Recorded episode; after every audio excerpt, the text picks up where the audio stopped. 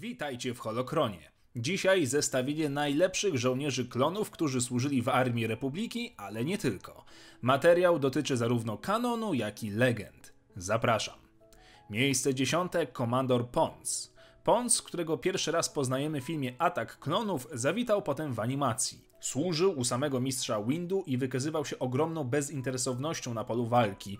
Był skupiony na celu i życiu swoich żołnierzy, zawsze schodził z pola bitwy jako ostatni. Był jednym z nielicznych klonów, które czuły prawdziwą braterską więź, bez traktowania podwładnych jak mięso armatnie. Niestety jego los dokonał się z ręki Aury Singh na pokładzie statku Slave One. Miejsce dziewiąte Fox. Dowódca, którego szanował każdy żołnierz, głównie za to, jak nieustraszony i odważny był w walce. Fox miał na koncie masę bardzo niebezpiecznych misji. Jego oddanie absolutnie nie podlegało dyskusji, co jednak przekładało się czasami na wątpliwe wybory moralne, takie jak przyjęcie zadania mającego na celu zabójstwo Asoki Tano i towarzysza Piątki. To jednak tylko dowodzi jego pełnego zaangażowania w walkę. Miejsce ósme. Fordo. Dowódca i lider formacji Munilis 10 elitarnego składu żołnierzy ma na koncie m.in. misję u boku Obi-Wana Kenobiego oraz walkę podczas bitwy o Corsent. Fordo posługiwał się dwoma blasterami oraz korzystał z całego dobytku technologicznych gadżetów, takich jak radary czy urządzenia do maskowania. Był wysoce wyszkolony w likwidowaniu kilku celów jednocześnie, nie pogardził też walką na bliski kontakt. Miejsce siódme. Komandor Wolfie posiadacz najbardziej stylowej zbroi oraz jeden z najinteligentniejszych klonów w armii. Wolfie był żołnierzem, dowódcą, ale przede wszystkim strategiem, który w każdej walce widział partyjkę szachów do rozegrania. Był też zawsze o krok do przodu od przeciwnika.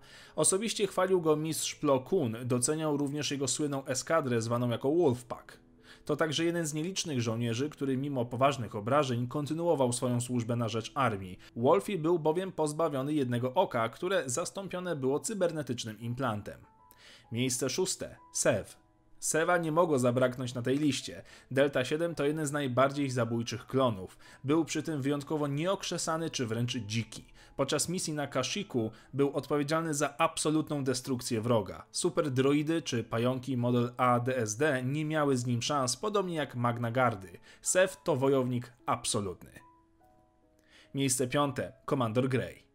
Jeden z tych dowódców, którzy przejrzeli na oczy i dostrzegli zdradę nowo powstałego imperium, niestety za późno. Grey zdołał jednak uczynić jeszcze jeden heroiczny i niezwykle ważny czyn. Gdy z jego ręki zginął jego generał Jedi w postaci mistrza Deepa Bilaby, komandor zrozumiał zamach stanu, jakiego dokonał imperator i poświęcił swoje życie, by zastępy młodych padawanów mogły ujść z życiem. Miejsce czwarte. Boss. Głos 38 gracze zapamiętają na długo. Zarówno on, jak i Scorch czy Fixer zostali później włączeni do elitarnej jednostki zwanej Pięścią Vadera, czyli 501 Legionu. Zarówno Boss, jak i jego towarzysze to ultra weterani arcytrudnych misji w całej galaktyce. 38, zaraz koło Wolfiego, był jednym z najlepiej myślących klonów w armii, świetnym liderem i strategiem. W szeregach 501 polował na zbiegłe klony oraz na rycerzy Jedi, co już świadczy o jego umiejętnościach. Miejsce trzecie. Cody.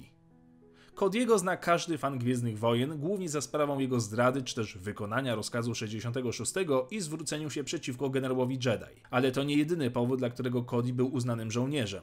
Przewodził 212 batalionem, który pod jego kierownictwem nie przegrał ani jednej potyczki. Każda misja zakończona była sukcesem. Obi-Wan miał szczęście, że nie było go na tyle blisko Cody'ego podczas wydania rozkazu 66, by ten mógł się zająć wykonaniem go osobiście. Miejsce drugie. Alfa. Ten klon przeżył znacznie więcej niż inni jego bracia. Służąc u Obi-Wana, a później u Anakina Skywalkera, walczył m.in. z Gendai Dirgem, nieśmiertelnym łowcą nagród. Później był torturowany przez Asajj Ventress. Nawet Skywalker był pod wrażeniem odwagi i męstwa Alfy. Z jego inicjatywy powstała akademia szkoląca doskonałych strzelców wyborowych. Spod oka Alfy wyszli tacy żołnierze jak Rex czy Cody.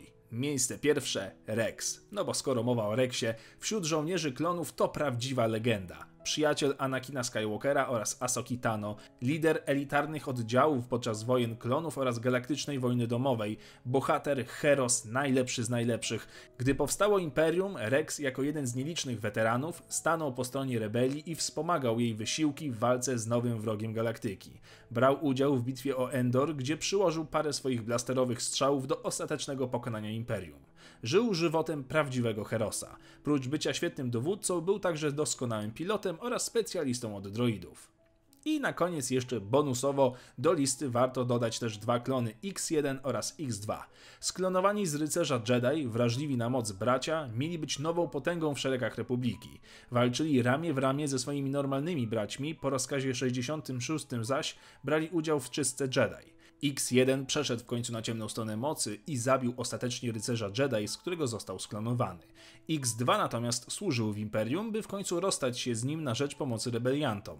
X2 dożył śmierci Imperatora i został jednym z uczniów Luka Skywalkera. Trening u nowego mistrza pozwolił mu wyszkolić się na tyle, że stanął on ostatecznie w szranki ze swoim mrocznym bratem klonem i pokonał go w walce.